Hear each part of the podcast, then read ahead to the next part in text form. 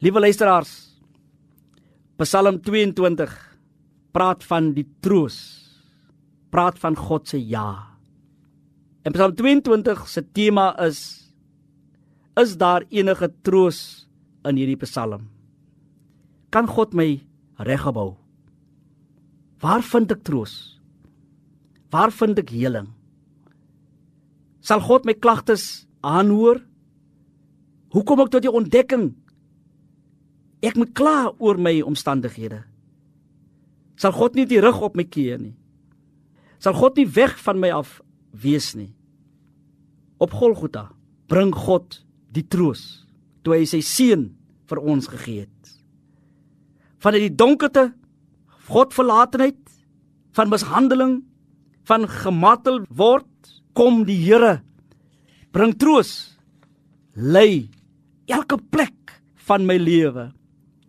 Ons lees in die Psalm Jesus self sê my God, my God, waarom het U my verlaat?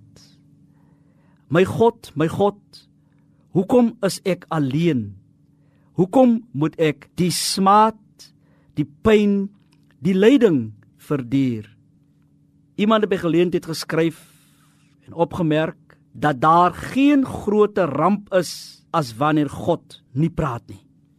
As wanneer God stil bly. Maar die psalmdigter leer vir ons, hy's betrokke in ons lewens. En daarom getuig hy En hy sê met 'n geloofsbelijdenis en hy sê U is my God. Ek glo in U. En nuwe luisteraars, ek wil weer vir u bemoedig van watter omstandighede ek al ook al is God is betrokke. Hy wil by u lewe betrokke wees. En dan gee ek hierdie mooi lied wat sê wat is my troos? My enigste troos in lewe en dood.